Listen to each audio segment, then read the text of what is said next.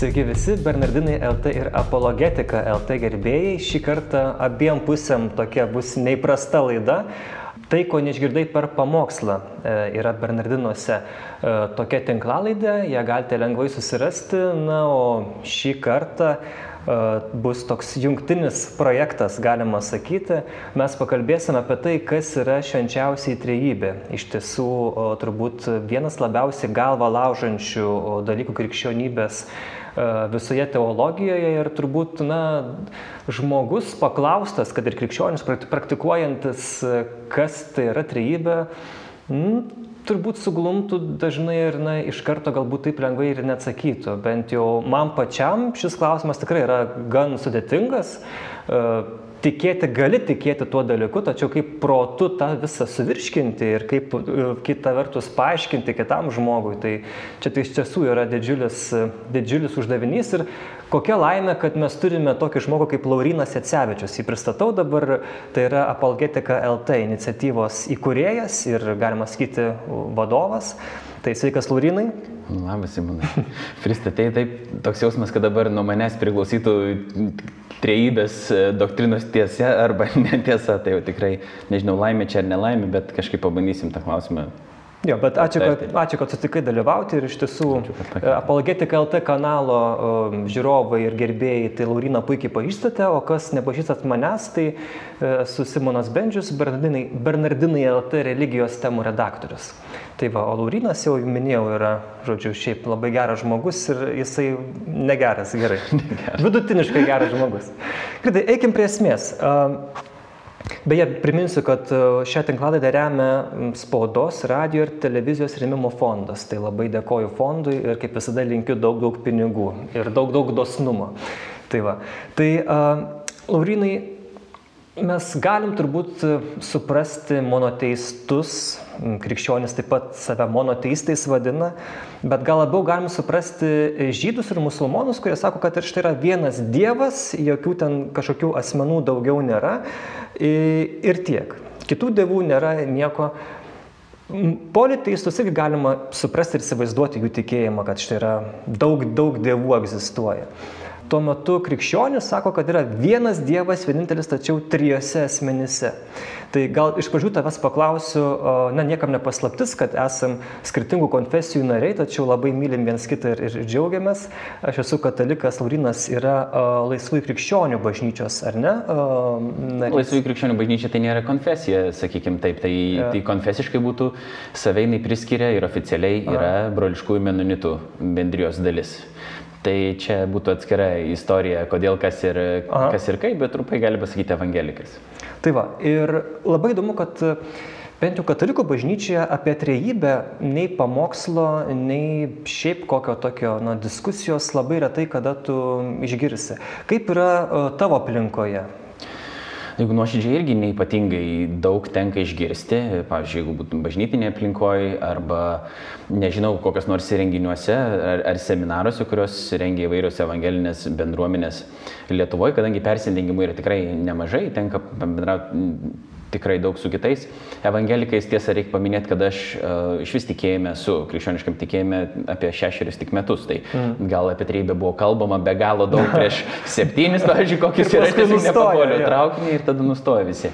E, tai jeigu nuoširdžiai, aš nesu girdėjęs pats asmeniškai, tiek teko dalyvauti pamaldose, pavyzdžiui, e, pamokslo tiesiogiai apie trejybę. Mm. Esu girdėjęs be abejo apie Kristaus asmenį ir daug. Evangelinės bažnyčios e, labai daug kalba ir taip jau turėtų būti, visos bažnyčios turi taip kalbėti apie Kristaus asmenį asmenį, apie jį kaip dievišką, apie šventąją dvasę taip pat e, kalba, sakykime, ypatingai sėkmininkiškos charizminės e, bendruomenės. Ir, bet apie trejybę tiesiogiai, kad kažkas kalbėtų ir bandytų ar aiškinti, aišku, tas žodis aiškinti yra pakankamai komplikuotas, ką reiškia dabar išaiškinti trejybę ir čia tikrai mes e, neįdėsim dabar trejybės Dievo į kišenę savo ir, ir mhm. sakys, va dabar mes esame viską jau čia susitvarkę. Tai vienintelis, ką man teko girdėti, sakykime, Lietuvoje, tai yra Holger Leen, kuris yra šiaip vokietis, bet Lietuvoje jau daug metų gyvenantis, Taip. yra e, reformatų dvasininkas, tarnaujantis Vilniaus evangelikų reformatų parapijoje, tai jisai yra parašęs ne vieną, man atrodo, straipsnį, ir aš bent jau vieną tikrai esu skaitęs lietuviškai jo, mm. ir jis yra kalbėjęs ir tiek pas mane apie treibę, ir uh, aš esu kalbėjęs porą kartų skirtingose bažnyčiose apie treibę ir vienam renginį.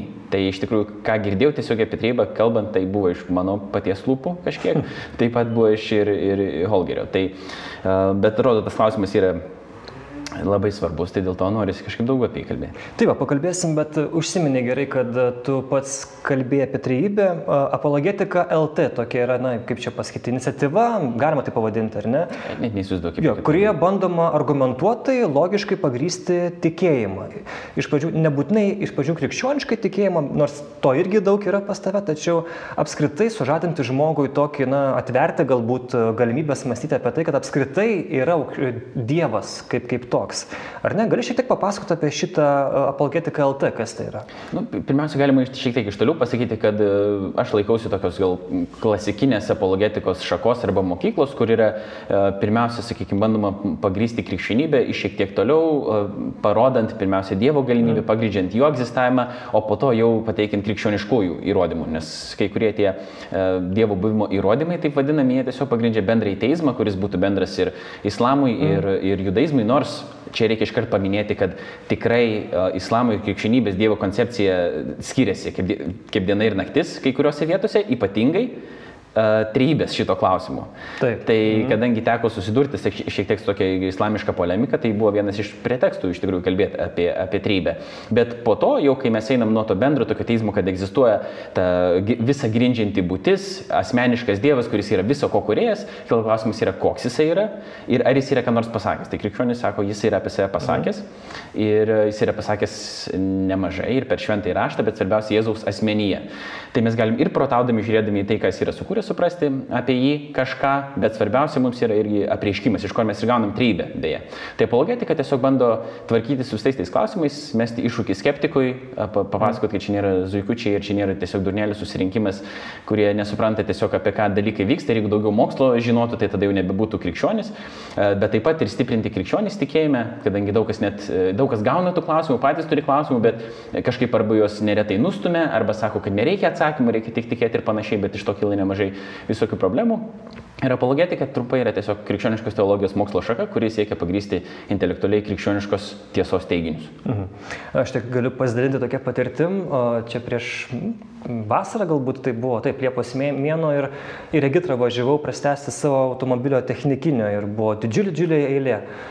Ir kažkaip, nu, galvoju, ką čia, ką čia veiksi, o tai YouTube kanale Apologetika LT savo telefone pasileidau ir buvo didžiulė eilė, minėjau, paskui dar išalkau, supratau, kad aš neiš, neištversiu nepavalgęs, nuvažiavau dar pasimti ten vieno hamburgerio, grįžau atgal, dar eilė, eilė tebe buvo ir aš gal kokias penkias ar šešias Apologetika LT laidas visas su įdomumu tikrai perklausiau ir e, tapau dar labiau didžiulis fanas, tai tiesiog ir tikrai labai rekomenduoju YouTube kanale, taip pat apologetika.lt interneto svetainė. Ar ne, ir tiesiog Facebook'e taip pat galima sekti. Vat, padariau reklamą už tave. Duosiu tai pinigų po to, kai mes išėjome. Jo, gerai. Tai apologetika LT, geriausias savo draugas e, varant technikinį. Gerai, a, tada apie trybę galim pradėti kalbėti. Mm. Bet kas, kuris šiek tiek domisi na, judaizmu ir to laikmečio žydo mąstysena, tai toks variantas, na, žydas atrodo negali išsigalvoti tos trejybės, nebent tai būtų kažkoks, na, išpratėjęs žmogus tam laikmečiai. Tai Galbūt tada toks variantas, žinom, kad visai greitai, na, keli šimtmečiai po, po Jėzaus mirties, krikščionybė tampa oficialia e, Romos imperijos religija ir tada daug jau ir tų pačių mm, romėnų atsiverčia, sakykime, į, krikščionybę ir daro tą įtaką. Tai galbūt ta trejybė kažkaip susijusi su to Romos dievų panteonu ir čia būtent romėnai ranką prikiša. Mano klausimas būtų iškart pirmiausia, kaip? Mhm. Nes lengva būtų labai, yra žiauriai lengva pateikinėti įvairių teiginių. Man neretai tenka susidurti su žmonėm, kurie, pavyzdžiui, ar komentarą prašo, ar elektroninį laišką, ar tiesiog žodžiu išsako ir tiesiog teigia teiginį. Mhm. Ir jis nieko nėra, pažiūrėjau, pagrystas neretai. Tai galbūt yra susijusi. Irgi, arba čia dar vienas argumentas. O galbūt yra susijusi. Mhm. Galbūt. O kur yra įrodymai kokie nors? kad būtų susijusi. Tai reikėtų konkretaus pavyzdžio, kaip galėtų būti trejybė susijusi su romėnų dievų panteonu. Aš pasižiūrinėjau, kadangi aš tikrai nesu, sakykime, ekspertas mhm. istorijos ir į, į pagonių religijų, teko man ir religijų e, istorijos kursą išklausyti Vilniaus universitete, bestudijuojant religijos studijas, teko ir pačiam domėtis e, be abejo, bet tikrai nesu ekspertas.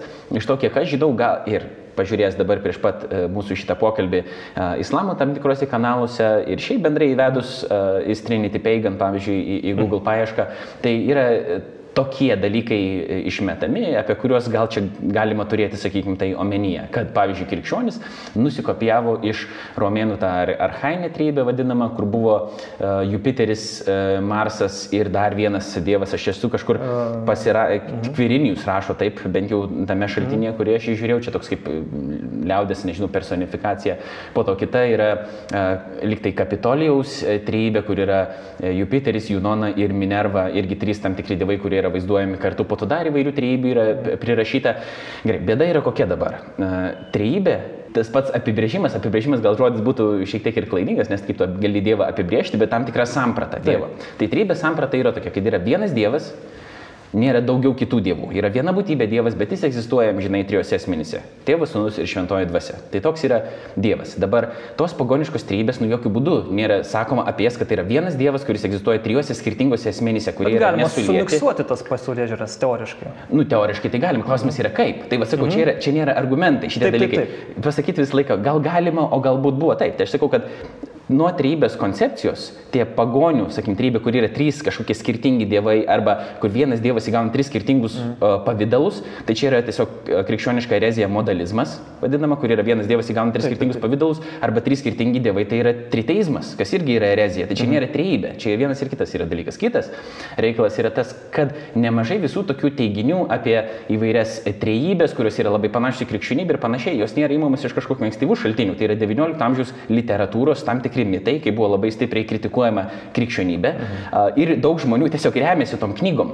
Hislopo, pavyzdžiui, tokia buvo knyga, kuris pats buvo, trys, e, buvo trejybininkas, mhm. bet e, kažkaip jis ten savo knygoje išsakė apie, pagoniško, apie kitas pagoniškas deivės e, vidurinių rytų, kur tam tikri dalykai buvo tiesiog išgalvoti ir nėra jokių šaltinių tam paremti. Bet okay. žmonės žiūri XIX amžiaus knygas, taip pat kaip ir apie tai, kad Kristus buvo nuo mitraizmo nukopijuotas ir, ir, ir nuo Ozirio, ir, ir Horo, daro ir dar nuo, tiktais, nuo ko tik nori.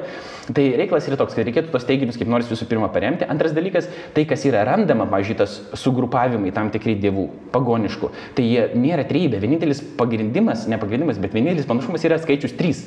Mhm. Tai tas skaičius 3 nelabai ką dabar duoda. Šį čia, nes krikščionis netiki, kad yra trys skirtingi dievai ir netiki, kad vienas dievas, kuris reiškia skirtingais pavydalais. Kaip gal galėtumėm rasti kažkokių apgribų tam tikrose pagoniškose religijose. Ir paskutinis dalykas, ne paskut, prieš paskutinis dalykas yra parodyti, kad viena religija skolinosi iš kitos arba perkelė nėra taip paprasta. Man teko rašyti darbą apie religinį sinkretizmą, tai reiškia, kaip susilieja tam tikros religijos. Tai aš ten skiriu pagal literatūrą bent jau septynis kriterijus, pagal kuriuos reikėtų bandyti vertinti, ar viena religija religiją perėmė iš kitos. Ten konkrečiai aš bandžiau vertinti, ar senovės izraelitai perėmė iš Ugarito religijos tam tikrus uh, principus. Ir reikalas yra toks, trumpai tariant, neinant jau labai giliai, kad yra sunku parodyti, kad yra perimta. Tai nėra, neužtenka pasakyti, o yra skaičius 3, tai tada jau, mhm. sakykime, ir dabar viskas jau čia yra, reiškia, trybė yra perimta. Ir mes kitur net taip nesakytum, žmonės tokių didelių šuolių nedaro, čia kažkodėl nori. Um, ir paskutinis yra reikalas toks, kad buvo ne tik trybių pagoniškų, ir dviejybių, ir keturybių, ir kiek nori, ta prasme, grupių buvo skirtingų skaičių. Mhm. Tai kodėl dabar reikėtų galvoti, kad, sakykime, krikščionis būtinai nusikopijavo iš to, to labiau, kaip minėjau, kad ta pagoniška samprata trijų dievų sugrupavimo, kaip, pavyzdžiui, hinduizme yra trimurti, irgi trys dievai, bet kuris vis tiek yra aukščiausias vienas ir jinai niekad neprigijo pagal, pagal mokslinius šaltinius, bent jau vertinant, mm. ta prasme, hinduizme. Tai tiesiog, trumpai tariant, Krikščioniška trybė, jo samprata griežtai skiriasi nuo bet kokios kitokios kito trybių grupavimo pagoniškame. Tai yra, tai yra unikalus dalykas religijų visų. Nu, aš kitur nesu niekur susidūręs, kad būtų sakoma, kad yra viena būtybė Dievas ir save griežtai tą grupę identifikuotų kaip monoteistus. Mhm. Sakytų, yra tik, tik viena būtybė Dievas, bet jis egzistuoja trijuose asmenyse. Ir tie asmenys visi yra dieviški ir nėra sulėti. Mm. Bet griežtai yra tik vienas dievas. Nu, aš niekur to nerandu. Su mormonais, pavyzdžiui, pašnekėsi, sakys, uh, Jėzus yra dievas taip pat, uh, tėvas yra dievas, bet kai giliau pašnekė, tai jie nesako, tai yra viena būtybė ir du skirtingi asmenys. Tai yra dvi skirtingos būtybės. Jie tiki daug dievų apskritai. Taip, nu, tai jeigu tradiciškai būtų priskiriami mormonai henoteistams, tai reiškia, kad dievų yra daug, mm. bet mūsų pasaulio, mūsų, sakykime, visatos, mūsų ten, kur mes egzistuojam toje erdvėje, yra vienas aukščiausias dievas, bet yra kitų erdvių erdvių, kur yra kiti dievai. Okay. Tai, uh, tai va, tai bet Jėzus Kristus ir Dievas būtų dvi skirtingos būtybės. Tai čia nėra irgi krikščionybė. Mm. Sakykime, tai krikščionis, mano supratimu, yra vieninteliai, kurie grinai išsako tokį sampratą, kad yra vienas, viena būtybė, vienas Dievas, kuris egzistuoja amžinai trijuose asmenyse, kurie yra atskiri, yra nesulėti. Uh, ir taip. Okay, na, kai kuriuose tinklalai, mėgsta kai kurie žmonės tinklalaidės prasukti, tarkim, ten dvigubų greičių, kad, nu, sutaupytų laiko. Čia, manau, tikrai neišeis prasukinėti, nes tada. Mėgsti. Jau dabar mes jo mėgstam greitai. Ir... Tu laiko daug neturi, tai aš taupau to laiko. Ačiū labai gerai. Jo. Tai gerai, tai gal tada pabandyti panagrinėti, um, Iš kur ta trybė pas krikščionis atsirado, tas tai unikalus tai dalykas? Ką tik sakėjai, David. Na nu, gerai, viena versija iš pagonių, kita tarkim, kad e, galbūt uh, patys krikščionis, jie savaip nu, suprato iš to prieškimo, kad yra būtent vienas Dievas ir jos esminėse. Tai gal, nežinau, gal pradėkime nuo Senojo testamento, tu vienam renginėje taip pat e, keletą tokių nuorodų patikė, kad net ir Senajame testamente, kur apie tą trybę taip garsiai net, net nebuvo kalbama, atrodo, jau ten galime rasti, apčiuopti, krikščioniškų žvilgsnių žvelgiant turbūt tos trybės. Tai kokios tos konkrečiai vietos yra ir kaip čia galima, nu, kaip čia suprasti jas galima. Teisingai tu įvardinai, kad Senajame testamente taip uh, akivaizdžiai uh, nėra kalbama apie tos tris skirtingus dieviškus asmenys kaip tėvą, sūnų ir šventąją dvasę, bet krikščionis taip trybės koncepciją gauna būtent iš aprištųjų raštų, tai reiškia Hebrajų Biblijos ir Naujojo testamento, arba mm. Senojo testamento, kaip mes vadinam, ir, ir Naujojo testamento. Mm. Dabar Senajame testamente, Hebrajų Biblijoje yra tam tikrų vietų, tam tikrų įlučių, kurios nurodo, leidžia numanyti, kad Dievas, Jahve, Izraelio Dievas, jis yra vienas, bet jis nėra visiškai vienalytis. Tai čia ne apie vyrišką moterį lytį aš mhm. kalbu, bet jis nėra kažkoks toks sulėtas unitarinis. Reiškia, kad kažkokiu būdu jame yra įmanomas daugis. Ir netgi kiek man teko domėtis, čia aš bijau suklysti, dėl to daug nepasakosiu apie tai, bet mm. liktai Filonas Aleksandrietis, kuris buvo žydų mąstytojas, filosofas, tai uh, jisai kažkokiu būdu irgi užčiapė, bet būtent iš hebrajų liūdės, nes jis nebuvo krikščionis mm. pats. Um, Tai va, bet šiaip ten jau yra tam tikrų užuomasgų, tam tikrų, ne, ne tai kad užuomasgų, ne va, tai, tai nebuvo kažkokia evoliucija, bet tam tikra išvalga buvo galima daryti, kad Dievas Izraelio, jis nėra visiškas vienis, kad jis yra vienas, Ir čia yra šema e, Izraelio ta malda, kur žydai melzdavosi ryte ir vakare, kad klausyk Izraelį, tavo, dievas, tavo viešpats yra vienas, tavo dievas yra vienas ir kad nėra kitų, kad viešpats yra tavo tėvas ir tavo dievas yra vienas. Tai kad nėra kitų dievų šalia šito dievo ir po to yra toliau, sakoma irgi Sename testamente ne vien tai, kad Jėzus, tai yra Dievas pats sako, kad, netu, kad ir savo pirmame sakymė, kad neturėsi kitų dievų kaip mane vien ir panašiai, kad prieš mane nebuvo jokio ir po manęs nebus. Tai tikrai yra tokia griežta tokia konvikcija, įsitikinimas, kad Dievas yra vienas, bet eilutės, pavyzdžiui, kurios yra Senajame testamente, kuris galima čia pacituoti, tai yra, pavyzdžiui, iš pradžios knygos 26 eilutė, tuomet Dievas tarė, padarykime žmogų pagal mūsų paveikslą ir panašumą, te valdo jie jūros žuvis ir padangius sparnuočius ir taip toliau. Tai čia yra tokia Dievas kalba apie save, sako, padarykime. Tai su kuo jisai kalbasi, ten yra po to. Yra ta, versijų, kad su, su angelais, su angelais ir panašiai, bet e, čia ir, yra, sakykime, hermeneutika biblinė. Ir, kad, ir gramatinis dalykas, man atrodo, kad e, hebrajai šitaip, na, kaip trečiojų asmenių, ne, daug daugiskaita išreiškia pagarbą Dievui, kai tu rašai. Bet e, tas argumentas yra prastas ir kiek man teko domėtis dėl to, kad niekur kitur, sakykim, tas karališkasis mes, Aha. sakykim, kaip, pavyzdžiui, Anglijos karalienė kreiptųsi į savo tautą, taip, sakykim, ateikite pas mus ten ar dar kažkas, arba mes ten nusprendėme. Mm. Tai tiesiog nėra precedento šitokiam vartojimui. Tai jeigu nėra, tai kodėl reikėtų manyti, kad čia yra, sakykim, hebrajų kalboje ir Senajame testamente. Tai kai čia yra kalbam, kai Dievas sako padarykime, aš pat nesu hebraistas, dėl to aš ne, nepulsiu čia, sakykim, aiškinti, čia aš turiu remtis jau antriniais šaltiniais, mm. kurie aiškina, sakykim, hebrajų kalbą. Tai uh, ir kiek debatų teko klausyti, tai iš principo uh, yra taip, kad kai čia yra, kai Dievas sako padarykime, tai jis apie save kalba kaip apie kažkokį daugį. Ir um, tuomet viešpats Dievas tarė, čia yra pradžios knyga 3 skyrius 20 eilutė, tik pažiūrėk, žmogus tapo kaip vienas iš mūsų, žinantis gerą ir piktą. Tai vėl Dievas mm -hmm. nurodo apie save kaip į daugį, tada toliau eime, nuženkime ir sumaišykime jų kalbą, kad nesuprastų, ką sako vienas kitam pradžios e, knyga 11 skyrius 7 eilutė, po to psalmė 110 viešpats žodis mano viešpačiui, sėskis mano dešinėje, kol uh, patiesiu tavo prieš pataukojimis, tai viešpatė žodis viešpačiui. Um, Ir po to yra ir daugiau yra tokių eilučių, kur yra nurodoma, sakykime, viešpats Dievas kalba apie save kaip apie kažkokį daugį, bet kas yra dar įdomu, toks yra kanalas, jeigu kam yra įdomu, Inspiring Philosophy YouTube. Ir ten Michaelas Jonesas e, nagrinėja pakankamai plačiai visą tą dalyką. Kitas kanalas yra Accentina Apologetics, ten galima rasti Anthony Rogers, e, irgi tokio paskaitų ciklą apie e, trybę Senajame testamente. E, kad Senajame testamente pasirodo tokia mislinga būtybė viešpatės angelas. Ir kai viešpatės angelas pasirodo, jisai kai kuriuose vietose yra prilyginama, jisai turi dieviškų savybių ir jis yra atskiras nuo Jahvės.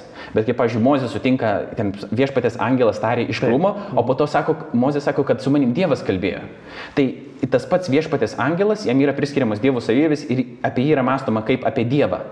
Tai va irgi ir po to šventoji dvasia, irgi ne tik Naujojo testamento terminas. Psalmės yra kalbama apie tai, kad dvasia yra šventoji, tai vienintelis Dievas yra šventas, mes žinom, mhm. kuris yra atskirtas. Taip yra, šventas reiškia atskirtas.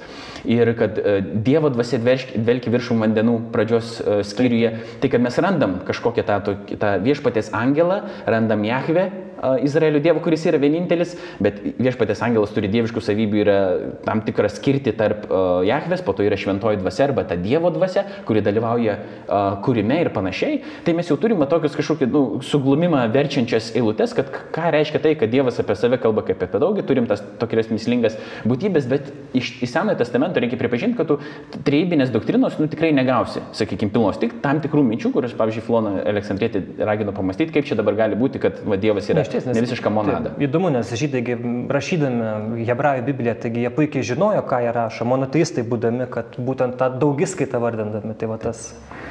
Bet tai, aišku, čia, čia, čia, čia, yra įdomi tokia sritis pasigilinti, aišku, ypatingai tada jau reikėtų žiūrėti į pačią hebrajų kalbą, mhm. kaip yra vartojamas tas Elohim, čia yra kaip toksai daugiskaitinis uh, daiktavardis, kuris po to eina su vienaskaitinė forma po to. Tai čia irgi sakau, bet reikėtų aiškintis mhm. apie hebrajų kalbą ir aš nepulsiu čia lysti ne savo kažkokią kompetenciją, kadangi aš hebrajų kalbos nemoku, bet žodynai padeda tos dalykus įsiaiškinti, sakykime, kažkiek pasižiūrinėti. Um, tai va, tai Tai mes turim tokią situaciją ir čia reikia turėti omeny, kad e, krikščionis pripažįsta tokį progresyvų Dievo apreiškimą, kad e, mes turime tokį nu, išsaką Naujajame testamente, kad Jėzuje buvo visa Dievo pilnatvė, dėl to žinom, kad Jėzuje buvo pilnatvinis tas Dievo apreiškimas mums duotas ir kad Dievas apreiškė ne iškart visas savo savybės ar visa, iš vis koks jisai yra, bet istorijoje tai darė palaipsniui. Dėl to mums yra normalu, kad mes Senajame testamente nerandam visiškai išplėtotos mhm. tos trejybinės tokios doktrinos, bet mes randam tam tikras tokias išvalgas iš ten, o jau Naujajame testamente mes turim labiau išplėtotą tą dalyką, kurį po to jau, nu, tiksliau, duomenys mes turim ten Naujajame testamente. Ir po to jau krikščionys bandydami tos duomenys kažkaip suprasti ir susisteminti, išsakė tokią tą trybės doktriną. Tai labai iš tiesų turbūt svarbu ir džiugu apie tai kalbėti, nes uh, yra pasakymų, jog Naujasis testamentas ir Jėzus Kristus jis visiškai paneigė Senąjį testamentą. Senasis buvo savo, naujasis atsirado savo, visiškai kitoks mokymas ir panašiai. Tai čia nesąmonė. O čia, tai va, ir čia netgi trejybės klausimų mes galime iš tikrųjų tas vat, jungtis, tuos tiltus surasti su Senuoju testamentu. Ir ne tik tai, čia dar yra labai įdomu pastebėti, kad be žydiško uh, kultūrinio konteksto mums neišeina net kai kurių Jėzus dieviškumo teiginių suprasti. Taip. Nes yra, man atrodo, Mato Evangelijoje parašyta ta istorija, kaip pas Jėzų ateina vienas turtingas jaunuolis ir tada jis sako, gerasis mokytojų, ką man reikia daryti, kad aš turėčiau amžiną gyvenimą. Ir Jėzus sako, kodėl tu mane vadini geru. Ir antitrinitoriai tai naudoja kaip prieš Jėzus deviškumą nukreiptą eilutę. O iš tikrųjų, suprantant žydišką kontekstą, mums eitų suprasti, ne tik žydišką kontekstą, bet ir apskritai kontekstą, kad, ir kad Jėzus ne visą laiką kalbėjo tiesiogiai, mhm. mums eina suprasti, kad Jėzus iš tikrųjų atvirkščiai kaip tik pateikė, kaip sakyt, davė tokį supratimą, kad jis apie save kalba kaip apie Dievus, bent jau save tokiu laiko, dievišku. Kadangi sako, kodėl tu mane laikai geru, vienintelis Dievas yra geras, jis priverčia tą jaunuolį susimastyti mhm. ir po to jis sako, žinai įsakymus, daryk tą, daryk tą, daryk tą, daryk ir gyventi. Sako, aš visą tą darau. Jis sako, to vieno dalyko trūksta. Palik viską, ką turi, parduok savo turtą ir sek paskui mane. Tai jis tarsi prideda prie visų tų dešimties dievų įsakymų dar vieną nuo savęs. Tai čia didžiausia šventvagystė būtų. Tai čia Nes Jėzus jo. veikia, jis, jis naudoja netiesioginę komunikaciją ir žmonės, kurie skaito vien tik tais paviršių, sako, o, matai, Jėzus čia paneigė. Tai Jėzus nepaneigė ir reikia suprasti, ką jisai sako. Taip pat, kaip pavyzdžiui, Jėzus eina vandeniu Ir tada mokiniai išsigąsta, Mhm. pamatė, galvoja, kad čia šmėkla yra. Ir panašiai. Jėzus sako, nebijokit. Ir jis sako, tai aš, bet iš tikrųjų ne tai aš, jis sako, jis sako, ego eimi graikiškai. Aš esu. O aš esu, Senojo testamento mes žinom, kad tai yra Dievo vardas, Jahve. Tai jisai, jisai čia irgi netiesiogiai, va taip tiesiai, bet reikia mokėti skaityti ir žinoti tos dalykus ir tada tu pamatysi Jėzaus teiginį. Jisai tuo dalyku pasako ne tik, kad ten jis eina, jis savo pritaiko Izraelio Dievo vardą ir už tokius pritaikymus bent jau poroje vietų jį norėjo po to žydai užmėti akmenim, nes jie suprato, jie žinojo tą kontekstą, žinojo Senąjį testamentą, ką mes vadiname Hebrajų Bibliją ir jis, jie suprato, ką jisai daro. O mums dažnai mes nesuprantam ir sakom, ai, mums viso šitų dalykų uh, Ne, nereikia. ir, ir galų galę Jėzus ir nukryžiavo būtent dėl to, kad jis save laikė Dievu, ar ne? Ir čia Aš taip teikčiau, Ne bandyčiau. dėl argumentuoti. politinių dalykų, kaip galvom, bet turbūt čia, čia es, es, esmė buvo. Bent jau tikriausiai buvo priežasčių daug mm. uh, ir įvairių, sakykime, Poncijus pilotas, jisai, uh, jam nerūpėjo, ten, ar jis laiko save dievu ar nelaiko dievu. Jis, aišku, Romos imperijai buvo, sakykime, nu, vienintelis Cėsorius, Cezaris buvo sudėvintas, aišku, taip, bet jis ir buvo vienintelis viešpats, vienintelis karalius.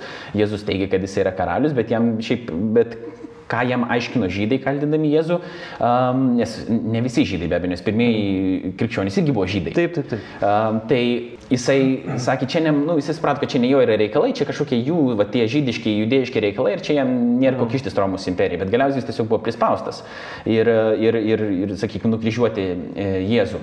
Bet pagrindinis tas teiginys buvo, ne, sakykime, pagrindinis dalykas, kodėl Jėzus buvo nukryžiuotas, tai buvo ne kažkokia politinės ten e, problemos ar aspiracijos jo, ar e, dar kažkas, bet tai buvo tie tokie teiginiai, kurie tiesiog e, pirmo amžiaus judėjų ausiai buvo neprimtini, neįmanomi, kaip šitas žmogus gali save lyginti su Dievu ir jinai vieną kartą norėjo dėl to užmušti, nu ir galiausiai tai ir padarė.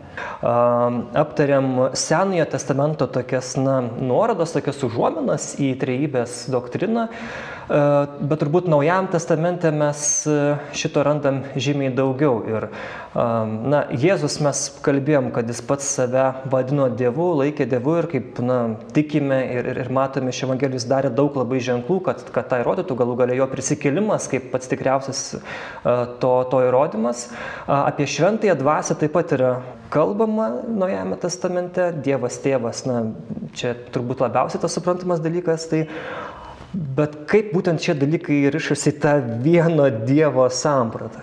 Tai rišasi jie galiausiai kilo krikščionims klausimas, kaip jie rišasi ir tikrai pirmaisiais amžiais gal nebuvo tokios išgrinintos doktrinos, iki ketvirto amžiaus, kur Nikėjos e, susirinkime jau buvo kovojama, vadinkim taip, em, prieš e, arionizmo tą tokią ereziją, bet kuri buvo vėliau pasmerkta, nes Arijus e, galėjo ten pasisakyti, jisai teigia, kad e, jisai pats buvo dvasininkas ir teigia, kad Jėzus Kristus yra, nėra Dievas, kad jis nėra lygus tėvui ir kad jis yra kažkokia ypatingesnė būtybė, bet jis yra sukurtas ir panašiai. Mes kažką tokio panašaus atsikartojančio randam Jehovos liudytojų mąstymę. Ir iki, bet ir tada dar ta trejybinė tokia doktrina nebuvo visiškai tokia išgirinta. Po to dar Konstantinopolio susirinkimas rinkos ketvirto amžiaus pabaigoje ten apie šventą dvasių daugiau yra kalbama, nors ir Nikijos e, susirinkimo e, tame tikėjimo išpažinime pabaigoje yra sakoma, tikime ir šventąją dvasią. Taip. Tik tai nepasakyta apie kas ten.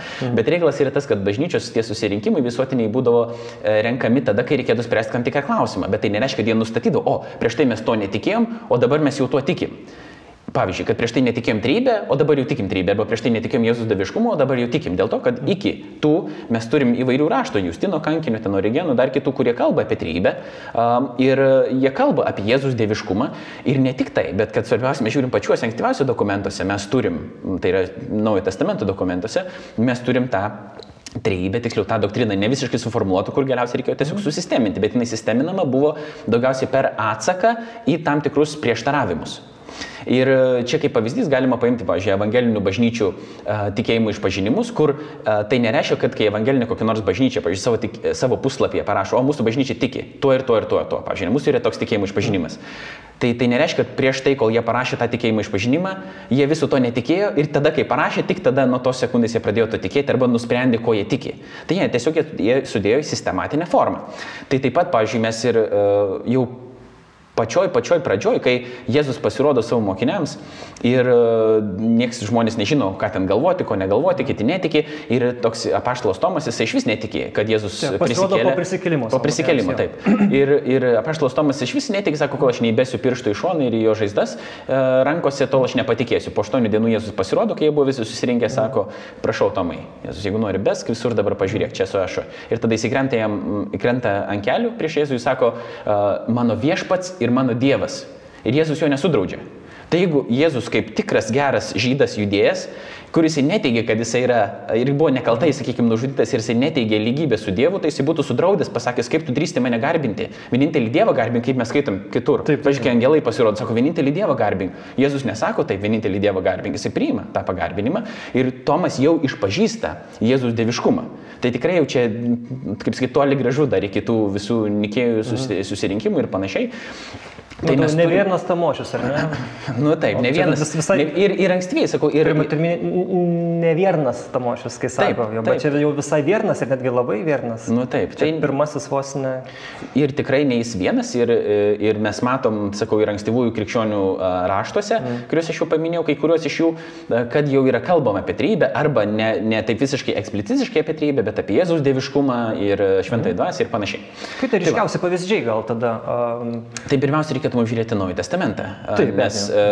Tai Naujame Testamente turime tikrai daug įvairių duomenų ir turim tiek, sakykime, galim tokias grupės jo. dėti. Pavyzdžiui, kur pasirodo visi trys dieviški asmenys. Nu, mes čia taip žiūrime, aišku, retrospektyviai jau sakom dabar dieviški asmenys, mm. bet iš pradžių, kai skaitai Senąjį Testamentą arba jeigu dalyvauji tame, nes kiti žmonės dalyvavo ir matė, pavyzdžiui, Jėzus Krikštą kur parašyta, mato 3, 16, 17. Pakrikštytas Jėzus to išbrido iš vandens, staiga jam atsivėrė dangus ir jis pamatė Dievo dvasę sklendžiančią žemyn it balandį ir nusileidžiančią ant jo. O balsas iš dangaus prabilo, šitas yra mano mylimas sunus, kurio aš geriuosi. Tai turim tėvo balsą, turim Dievo dvasę ir turim Jėzų kuris mhm. ir kištės. Tai mes ir skaitom apie tai, bet žmonės ir matė, sakykime. Tai jau dalyvauja tie kažkokie trys asmenys um, ir po to mes turim daugiau tų tri, pačių trijų asmenų nuolat. Tad eikite ir padarykite mano mokiniais visų tautų žmonės, krikštydami juos vardant tėvo ir sunaus ir šventosios dvasios. Tai čia yra didysis palipimas, mato 28.19, kur uh, turime vieną vardą, kai Jėzus sako, eikite visas tautas mm. savo mokiniams ir krikštykite juos vardan, vien, tai vienu vardu, vardant tėvo, sunaus ir šventosios dvasios. Tai reiškia, nėra trys skirtingi vardai, bet yra vienas vardas, bet vėl tie trys asmenys um, dalyvauja, nes jis yra apie save kalba, jis pats duoda didelį palipimą, bet sako vardant sunaus, bet mhm. jis, jis yra tas sunus. Po to, m, pavyzdžiui, pirmas laiškas korintiečiams, 12 skyrius, 4-6 eilutės, esame skirtingų malonės dovanų, tačiau ta pati dvasia. Esame skirtingų tarnyščių, tačiau tas pats viešpats. Ir esame skirtingų darbų, tačiau tas pats Dievas, kuris veikia visur kitur. Ir čia daugiau galima paminėti, kur tie trys asmenys yra minimi, eilučių yra daugiau, pavyzdžiui, 2 korintiečiams 13, 13, Efeziečiams 4, 4, 6, 1 Petro, 1 e, laiškas, 1 Petro laiškas, 1 skyrius, 1 2 eilutės ir panašiai. E, bet kai mes sutinkam Naujajame testamente tą žodį viešpats, kurijos, tai čia dažniausiai eina kalba apie Kristų. Mhm O kai Dievas, tai dažniausiai eina kalba apie tėvą. Dažniausiai, nors kartais būna ir suke, nu, irgi sukeičiama. Bet Senajame testamente mes žinom, kad uh, izraelitai, žydai netardavo ir nerašydavo uh, žodžio Jahve, sakydavo Adon. Tai ne Adon, atsiprašau, bet Adonai, nes Adon tai yra, man atrodo, tiesiog viešpats, mhm. nebūtinai dieviškas, bet Adonai tai yra viešpats tas, kas reiškia Jahve. Tai tas Adonai yra viešpats Senajame testamente, kuris nurodo į netariamą Dievo vardą Jahve. Mhm. Ir Kristui yra pritaikomas tas pats, va, tas graikiškas kurijos būtų atitikmuo to Adonai ir jis yra, nors aišku, būtų galima ir kitom formom vartoti, bet susidūrė Naujojo testamento rašytai su tokia bėda, kaip parodyti, kad Kristaus dieviškumą, kad jis yra Dievas, bet jo nesulieti, su, nesulieti visiškai su tėvu. Mhm. Dėl to mes ir gaunam tokią tokią formą, kad dažnai apie Dievą tėvą yra kalbama kaip apie tiesiog rašomą Dievą, teos, o Kristus yra kurijos. Nu, tiesiog tokia yra, tokia yra formuluotė, tai buvo tas sprendžiamas gal tas klausimas, mes taip galim daryti uh, tokią prielaidą, nors, kaip minėjau, yra ir kitur, kur yra kitaip pasakyta.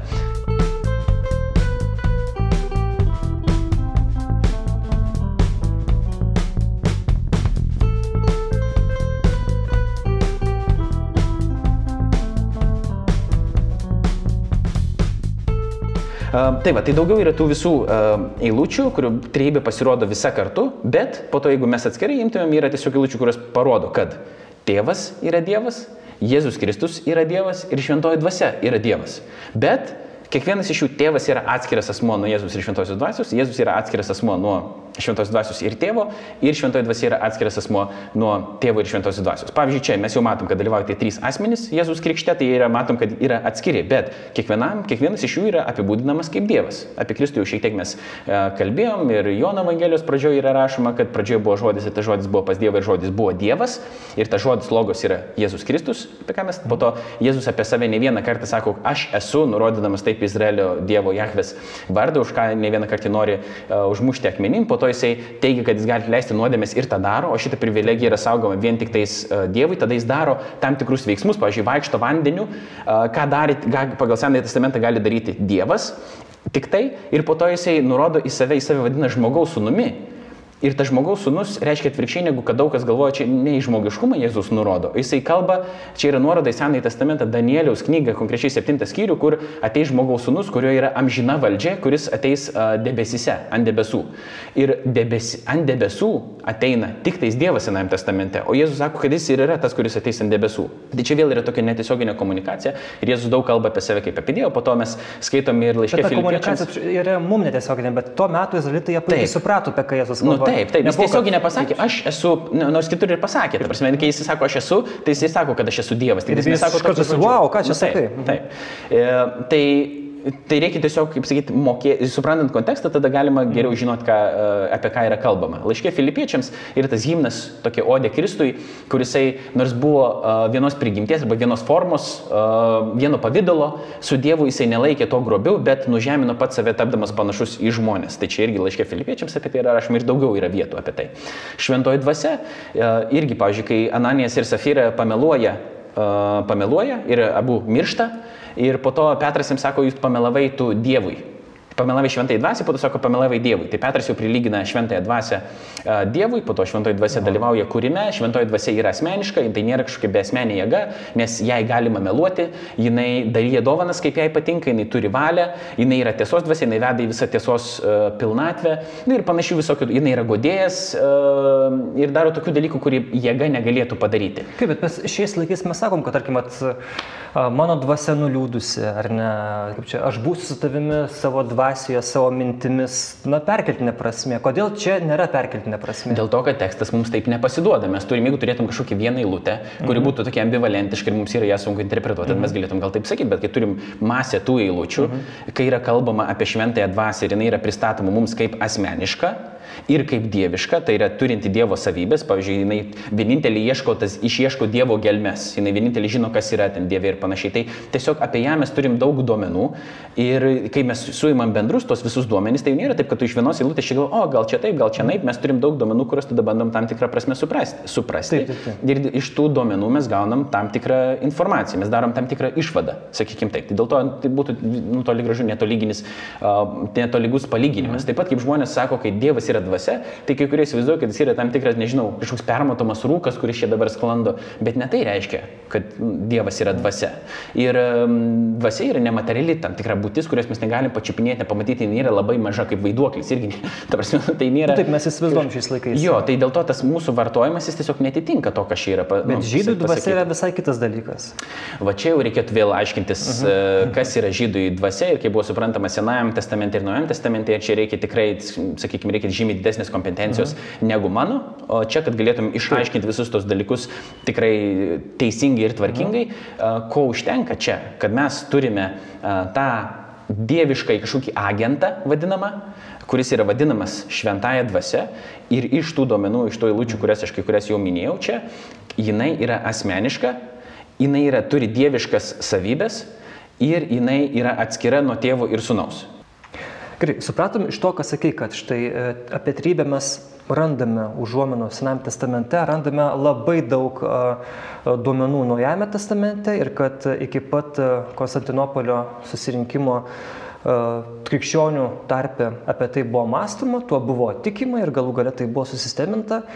Kalbant apie šią dieną, praėjo tikrai nemažai šimtmečių ir mes galbūt Ir tik, ne galbūt, o tikrai mes jau nuo to žydiškojo konteksto esam tikrai toli nušokę ir vis dėlto trybė niekur nedingo ir, ir, ir mes ją tikim ir kaip krikščionis turim tikėti, tačiau kaip mums patiems būtų galima tai paaiškinti, protiškai išmastyti. Yra tie duomenys, yra faktai, gerai, krikščionis tą išpažįsta ir mes tą matom Evangelijose, bet kokie galbūt pavyzdžiai, analogijos galėtų tikti mums ir kitiems žmonėms e, tos trybės išaiškinimui. Žinom, kad yra daug netikusių analogijų, galim gal nuo jų pradėti, kokios yra populiarios, apie ten trilapį dobilą, apie e, ten e, žmogų vyrą kaip tėvą, kaip sūnų ir kaip ten kokią mokytoją ir, ir, ir panašiai panašiai.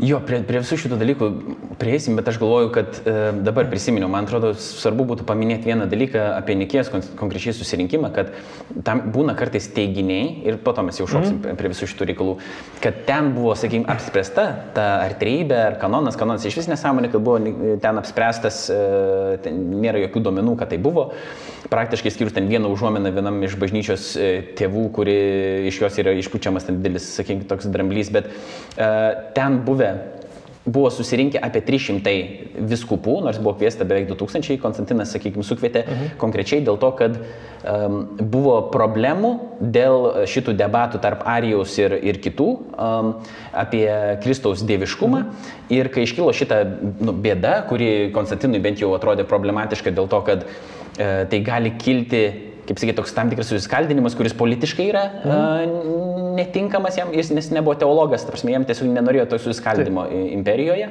Tai jisai uh, sukvietė, sakykime, tą susirinkimą ir tame susirinkime susirinkėte apie 300 uh, viskupų, pirmiausia, tvarkėsi su tą Arijos kontroversija. Buvo Arijus ir maža grupelė tų žmonių, kurie buvo uh, jam, sakykime, tokie prijaučiantis, po to buvo kiti, tie vadinami ortodoksiniai arba to, sakykime, to tradicinio istorinio tikėjimo krikščionys ir Eusebijaus pasiekiai, kurie iš principo tikėjo to pačiu apie Jėzus asmenį kaip, kaip ir tie ortodoksiniai mhm. krikščionys, tai yra tai, kad Jėzus yra dieviškas, bet jie nesutiko su tam tikra terminologija.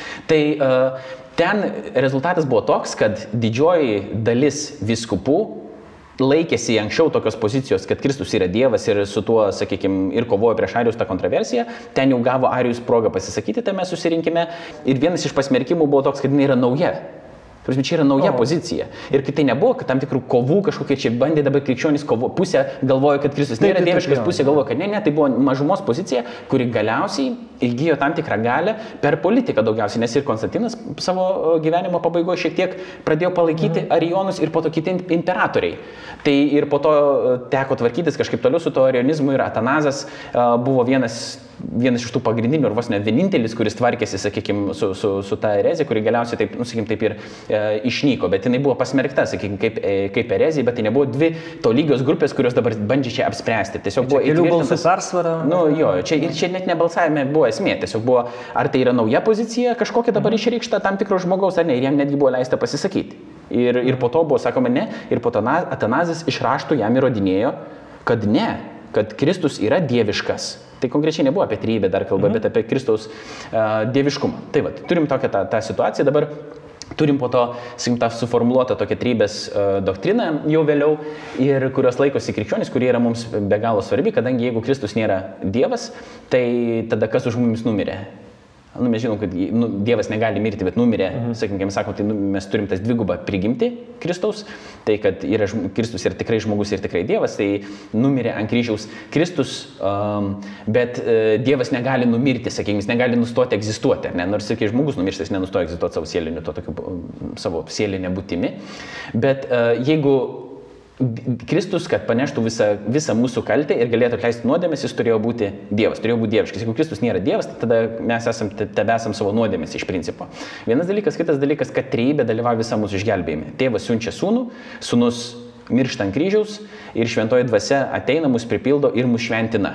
Tai visa trybė dalyvauja mūsų išganimo, sakykime, darbe. Tai trybė yra be galo svarbus dalykas krikščionims. Dabar krikščionis, bandydami suprasti, pateikia įvairių analogijų, kurios neretai tiesiog nuveda į ereziją. Dėl to, kad, pavyzdžiui, kad Dievas yra kaip vanduo, Ir e, vanduo gali būti skista forma, gali būti kieta forma, ledas ir gali būti garų forma. Ne, tai čia tiesiog yra modalizmo, ta vadinama erezija, nes e, Dievas nėra viena, vienas asmo, kuris turi tris skirtingas formas kažkokias. Ir aišku, vanduo nėra asmeniškas, tai čia jau yra problema. Tai Dievas nėra trilapis dobilėlis, kadangi vėl čia trūksta asmeniškumo vienas dalykas, kitas dalykas, kad vienas lapas nėra trilapis dobilas. Lapą nuskins, dobilas liks dobilas. Dobilas bus dvi lapis tada dobilas. Tai. O Dievas, pagal krikščionišką supratimą, Dievas yra trybė. Dievas nėra dviejybė, Dievas mhm. nėra vienis visiškas, jis yra Dievas, yra trejybė. Tai Dievas lygų trejybė. Tai jeigu, sakykime, nu, tu gali dar turėti dvilapį dobilą ir vis dar jis bus dobilas, bet be vieno iš asmenų tai jau nebeturi Dievo, kaip kad krikščionys jį supranta. Tai jau yra kažkas kito. Ne? Tai, nes Dievas save apsireiškia kaip trejybė. Mhm. Ir kad tie trys asmenys, jie nėra kažkokios, nu, grin, po trečdalį Dievo, sakykime, trilapius dobilas yra, kiekvienas taip, lapas trečdalis, ar ne? Tai kiekvienas iš tų asmenų yra tikrai dieviškas. Bet Dievas nėra vien tėvas, vien sunus arba vien šventoji dvasia. Dievas yra trejybė, bet kiekvienas iš tų asmenų yra dieviškas. Dabar kaip tai reikia suprasti, čia yra problematiška. Be abejo, mūsų protelėms, nes čia mes negalime apsimesti, kad mes galime išaiškinti Dievą ir dėti į kišenę, kaip jau minėjau prieš tai, tai čia yra nesąmonė. Bėda yra kokia, kad krikščionybė yra atakuojama iš abiejų pusių. Vieni sako, o jūs norit viską taip paprastai išaiškinti, Dievas jums yra suprantamas, čia viską sudėdė į tokį dėžutę, va čia turi Dievą čia visiems parodyti. Kiti, oi pas jums Dievas toks nesuprantamas, toks mistiškas, nieko apie jį negalima suprasti suprasti, o krikščionys mes bandom laikyti įtampai tos abu dalykus. Mes pripažįstam, kad Dievas yra virš visko, kad jis yra mums nepagaunamas protų iki galo, kad mes negalime jo sudėti dėžutę, apibriežti jo, kad jo mintis yra ne mūsų mintis, kaip jis yra pats pasakęs, jo keliai ne mūsų yra keliai. Ir Dievas yra transcendentinis. Kita vertus, Dievas yra sukūręs mus pagal savo atvaizdą ir jis yra mums davęs intelektą kaip dovana. Ir dėl to mes tam tikrų dalykų galim apie jį suprasti. Ne dėl to, kad mes esame kažkokie kieti ir faini, bet dėl to, kad jis nusprendė mums tokią dovaną jis duoti. Pats, jo, jo. Ir dėl to, kad mes mhm. taip atspindim Dievą, mylėdami jį savo protu. Dėl to mes tos du dalykus bandom sudėti. Ir dėl to gaunam skimpilos iš abiejų pusių. Mhm. Um, nes vieni gal norėtų sakyti, ai, tai nieko apie Dievą negali suprasti, kiti sako, tai čia viską turi išaiškinti man, kad aš tada galėčiau tikėti. Taip. O mes sakom, kad nėra iki galo nei taip, nei taip, mes bandom tos dalykus laikyti įtampoje. Tai proto mes trybės pagauti ir suprasti iki galo negalime ir niekada negalėsim, bet tai nėra keista, dėl to, kad jeigu mes Dievą galėtum tiesiog viską suprasti, tiesiog padėti čia vat, kažkaip apžiūrėti ir... Čia nebūtų sakyt, Dievas. Čia nebūtų Dievas, čia būtų kažkoks mūsų minčių fikcinis toksai, mm. nežinau, subjektas. Uh, tai Dievas yra virš visko. Kita vertus, mums, mes galim parodyti, kad trybės doktrina nėra savo prieštaraujanti, kadangi krikščionis netiki, kad yra uh, Tėvas yra vienas asmuo, plus tada sunus yra vienas asmuo, plus šventoji dvasia yra vienas asmuo ir mes turim tris asmenys, kurie yra vienas asmuo. Tai čia būtų nesąmonė. Mes sakom, kad tie trys asmenys yra viena būtybė. Ir vienintelis variantas, kaip galime tą paaiškinti, nu kažkaip paaiškinti. Klausom jo. Geriausias. Labai, nesupratimas, kokia aš esu girdėjęs. Čia daug kas priklausys dabar. Na, tai, e, ką aš esu girdėjęs? Toks palyginimas. Aš esu viena būtybė žmogus. Taip. Bet aš esu vienas asmuo, Laurinas. Taip. Tai aš esu būtybė žmogus ir asmuo Laurinas. Dievas yra viena būtybė Dievas, bet jis nėra vienas asmuo, pavyzdžiui, tėvas. Jis yra trys asmenys - tėvas, sunus ir šventoji dvasia. Ką gali, nu, Bilas Kreigas kaip paaiškina, sakykim, kas yra asmuo. Tai yra um, viena racionali sąmonė, sakykime, kažkokia. Tai, tai yra, ką mes suprantam, kas yra uh, asmuo. Nes uh, tas pats, sakykime, žmogus, jis nėra tolygus, žmogus nėra tolygus Laurino asmeniui. Nes tu esi irgi žmogus, bet tu nesi Laurinas. Mhm. Tu esi Simonas. Supratau. Aš irgi esu žmogus. Bet aš esu, e, tu esi Simonas, o aš esu žmogus, bet aš esu Laurinas. Tai reiškia, kad mes esam, kažkuria prasme mes galime atpažinti, kad turim tą tokią žmogiškąją būtį. Mhm. Mes esam ta būtis, bet mes nesam sulieti asmenys, kurie būtų ir, sakykime, toje pačioje būtyje vienoje. Mes esame dvi atskiros būtybės, kurie yra du atskiri asmenys. Dievas yra viena būtis, arba būtybė, tas ir vienintelė vienas, tokia va, būtybė. Taip, nu, dėl to, kad Dievas negali būti dievų, sakykime, pagal mhm. krikščionišką supratimą nėra daug.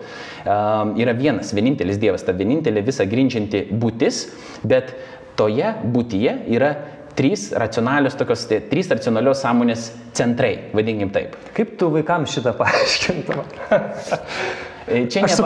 Gerai, čia eina, eina, eina pagauti, eina suprasti mintį, jo, bet čia jo, gerai, pusiau juokais klausiu. Bet... A, e, vaikam, nežinau, neturiu vaikų, bet ačiū Dievui, dar nereikia. Aš dabar eisiu arti erezijos, duosiu vieną pavyzdį, tada tokį, mhm. kurį pats Bilas Kreigas pateikė, bet jis dėl to gauna daug vilnių ir aš nenorėjau jo vartoti, bet mhm. jeigu vaikams reikėtų paaiškinti, tai tada kaip geriau, ne per trilapį dobilėlį, ne per kiaušinį kažkokį, ne per šampūną, Taip. trys viename, ne, ne dar per kažką kitą, bet kur mes bandom išlaikyti būti ir asmenys, tai mhm. tai Bilas Kreigas pateikė tokį pavyzdį. Yra tokia mitologinė būtybė, būtybė Cerberis, kuris yra šuo, šuva. trigalvis šuva. Jis yra vienas šuo, tai nėra trys skirtingi šunys.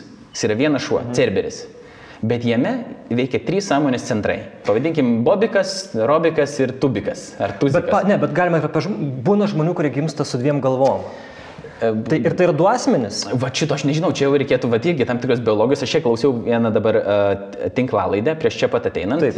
Vincas Vitalė, toks filosofas, jisai pasakoja tokį variantą, kad žmogus po tam tikros traumos, kai jam, sakykime, jau pusrutuliai nebeveikia taip mm. to lygiai, kaip turėtų veikti. Ir, pavyzdžiui, vienas jo pusrutulis diktuoja, kad uh, jam reikėtų kairę ranką mautis kelnes į viršų, o kitas A. jisai smaukia į apačią. Sakykime, tai kad kažkoks tam tikras įvyksta susidvėjinimas tame pačioje, toje pačioje mm. būtyje. Bet aš nenoriu pasakyti, kad, sakykime, Dievas yra kažkoks šizofrenikas, ta prasme, kad jame yra susidėję. Jame yra vien, bet, nu jo, tiesiog mes iš biologijos netgi turim tam tikrų tokių nuorodų, kad yra įmanoma kažkaip ar ne, kad, kad ta, nu, sakykime, ta, ta, ta asmenybė būtų visiš, nebūtų visiškai iki galo vienalytė. Ar ne, mums tai nėra iki galo suprantame, žinom, kad taip, sakykime, nebūna o, natūraliai, bet kad taip, nu, tiesiog yra. Ir buvo įvairių ten ir bažnyčios tėvose bandymų, man atrodo, paaiškinti trejybę per tai, kad mumise ten veikia atmintis, valia, dar kažkas, sakykime, kad tai jau yra mumise įdėkta trejybė. Irgi tam tikri dalykai, kurie veikia, sakykime, kartu. Tai va, tai čia, nu, sakykime, daug. A, apie Cerberį gal pabaigti. Tai tiesiog tas ir dėl to jis gauna, sakykime, daug velnių, dėl to, mhm. kad jis sako, kad e, kiti tai ką tu Dievo šunį prilyginė, ta prasme, tai čia ne apie tą yra esmė, čia yra tiesiog bandymas suprasti, kaip yra įmanoma, kad būtų viena būtybė, išlaikyti mhm. būtybę, būti, bet kuri būtų asmeniška. Ir kad Cerberis, jeigu jis nori normaliai veikti ir apsaugoti savo tą funkciją, atlikti, mm. apsaugoti ten vartus į labirintą ar dar kažką, jisai turi, ar ką jisai Hado vartus jisai saugojo, kad jisai turi uh, veikti nu, vientisai. Ta prasme, turi tie trys, mm. tie trys sąmonės centrai turi veikti kaip vienas. Mm -hmm. Bet akivaizdu, kad tie Tuzikas, Bobikas, ten Robikas. Jie gali bendrauti tarpusavį. Jie, jie nu, gali ir bendrauti, bet ta prasme, jie turi kažkaip kitokiu būdu būti. Nu, dabar tu mm. vedi mane į trybinę mechaniką, kaip paaiškinti man, kad tas vyksta. Ir čia, Santykiai. Ir čia viskas, jau šitoj vietoj mes mm -hmm. nu, stringam, absoliučiai. Šitoje vietoje stringam, tai dėl to sakau, kad mes negalim strybės išaiškinti niekaip, mhm. bet mes galim parodyti, kad jinai pati savo neprieštarauja, Taip. jeigu mes ir neturim mechanizmo supratimo. Pavyzdžiui, aš neturiu žalio supratimo, kaip veikia kameros. Absoliučiai nesuprantu. Mhm. Aš nežinau, kaip sapnai veikia, aš nežinau, kaip sąmonė veikia, bet tai nereiškia, tie dalykai neegzistuoja. Jeigu aš nesuprantu, nereiškia, kad neįmanoma, kad tai būtų. Kitas pavyzdys gali būti, pavyzdžiui, kad um, yra kubas kuris yra kubas tik tais trimatėje erdvėje. Jeigu mes kubą bandom nupaišyti uh, ant dvimačio, sakykime, lapo, mes negaunam kubo. Ne, mes gaunam, jeigu iš vienos pusės paaišom, gaunam kvadratą, pavyzdžiui, bet trimatį erdvėje, tai kitoje dimencijoje mes galim pamatyti tą trimatį mhm. erdvinį kūną. Tai pavyzdžiui, gal mūsų toje vadinkime dimencijoje, ar ne mes negalim suvokti, kaip yra įmanoma, kad būtų viena būtybė ir vienas asmuo, bet egzistuoja ta dieviškoji dimencija, pagal krikščionišką mhm. supratimą, nu, mes taip, aišku, tą terminą taip vartojam gal keistai dabar tą dimenciją, bet toji dieviškoji realybė, kuri yra platesnė, tai tas dalykas nėra neįmanomas. Ir mes tiesiog turime mažų tokių, kaip sakyti, nu, žvilgsnių į tai. Taip, taip. Kad tai yra įmanoma, bet dabar, sakykime, tu mane kai spaudi prie sienos, sakai, paaiškink man dabar, kaip viskas tai veikia, nu aš tiesiog to negaliu padaryti. Dėl to, kad aš esu apribotas, aš stringu, aš trenkiuosi į lubas tam tikrą savo mąstymą ir aš to negalėsiu. Jo, bet padaryti. svarbu suvokti, kad čia nėra nieko gėdingo. Na, kai mes kalbam apie Dievą, e, man labai patinka Josefo Ratzingerio mintis, kad kartais leiskim Dievui būti Dievu. Man net ne kartais visą laiką leiskim Dievui būti jo, Dievu taip, taip. ir tada be to pačiu nenuneikim tų dovanų, kuriuos mums be, yra davęs. Be, Jeigu jis mums yra davęs tam tikrą partavimą, mm. ribotą, mes turime jį ribotą, mes galim jo naudotis ir tam tikrus dalykus suprasti. Ok, dar aš prisimenu tokį vieną pavyzdį, galbūt, kalbant apie bandymą suvokti, kad vienoje būtybėje gali na, tilpti kabutėse keli asmenys, tai nežinau, čia toks pusiau irgi juokais iš žiedų valdovo - Golomas ir Smygolas. Nu, jo, bet, va, tai čia, čia yra vėl. Tu vėl vis nori grįžti prie tos mechanikos ir nežinau, pat sakau, kad nepadarytumės iš Dievos, žinai, šizofreniko čia dabar, kuriame yra susidėjami tokie asmenys jo, kažkaip jie tokie. Supraskim, kad mes čia joko formą šitą darom jo, nes ir, ir jo žinai, po to kaltins ereziją ir e, baigsis viskas. Baigsis mums abiem liūdnai tada. Bet reikalas yra toks, ne, kodėl mes dabar apie tai kalbam, nors ir pripažindami visiškai ribas mm. savo e, riboto mąstymo ir riboto supratimo, mes kalbam apie tai todėl, kad neretas krikščionis ir aš pats esu matęs, sakykime, ir sutikęs, žmonių gal pats esu tai pasakęs, jaučiu tikėjimo pradžioje, aš irgi būčiau pasakęs, kad Dievas yra kažkas panašaus į tą uh, vandenį, sakykime, kuris egzistuoja trijos formas, kas yra modalizmo, sakykime, ta erezija. Mm. Uh, tai krikščionys kalbėdami apie trejybę neretai, yra, nu, pasi, nu, kaip iš tikrųjų išpažinti, kad jie yra eretikai. Tiesiog mums reikia pažiūrėti mm. istoriškai, čia, tie, tie prieštaravimai trejybei, jie nėra nauji.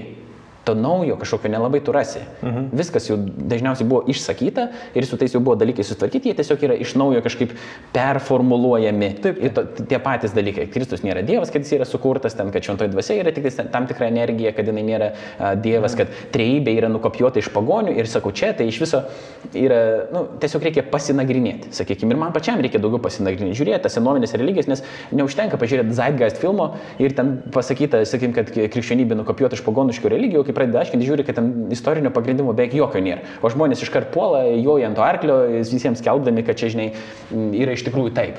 Tai reikia tiesiog tokio turėti intelektualinio mums e, ir vientisumo, ir nuoširdumo, ir sažiningumo, ir, ir aiškintis visus tuos klausimus ir a, bandyti būti neretikais tuose vietose, kur tai yra tikrai svarbu. Gerai, tai galim mes irgi tada pajausti savo ribas, e, jau pabaigdami šitą mūsų pokalbį. Tai man buvo labai įdomu, ačiū tau. Tai buvo Laurinas Jacevičius, iniciatyvos Apologetika LT įkūrėjas ir dar kartą kviečiu e, YouTube kanale, e, Facebook'e ir interneto svetainėje Apologetika LT sekti tai, ką daro Laurinas. Taip pat klausytis laidų XFM radio eteryje pavadinimu Apologetika LT, kuris E, labai irgi įdomiai kalbina įvairių, įvairių kitų tikėjimų, religijų išpažinėjus, irgi būna tokios labai įdomios geros polemikos. Tai žodžiu, apologetika LT, tikras maistas tavo protui ir širdžiai. Tai va. O Taip pat ir Bernardinai LT labai rekomenduoju. Aš esu religijos temų redaktorius Simonas Bendžius. Atsisveikinu, ačiū, kad klausėtės ir žiūrėjote, nes čia yra ir, ir filmuojama šitoje švento, Šventosios Klaros auditorijoje Bernardinų bažnyčioje Vilniuje. E, nufilmuota šita laida ką tik buvo. Ir dar be abejo reikia padėkoti Spaudos radio ir televizijos rėmimo fondui. Visi draugė sakom ačiū. Fonde tau. Fonde tau. Taip. Iki.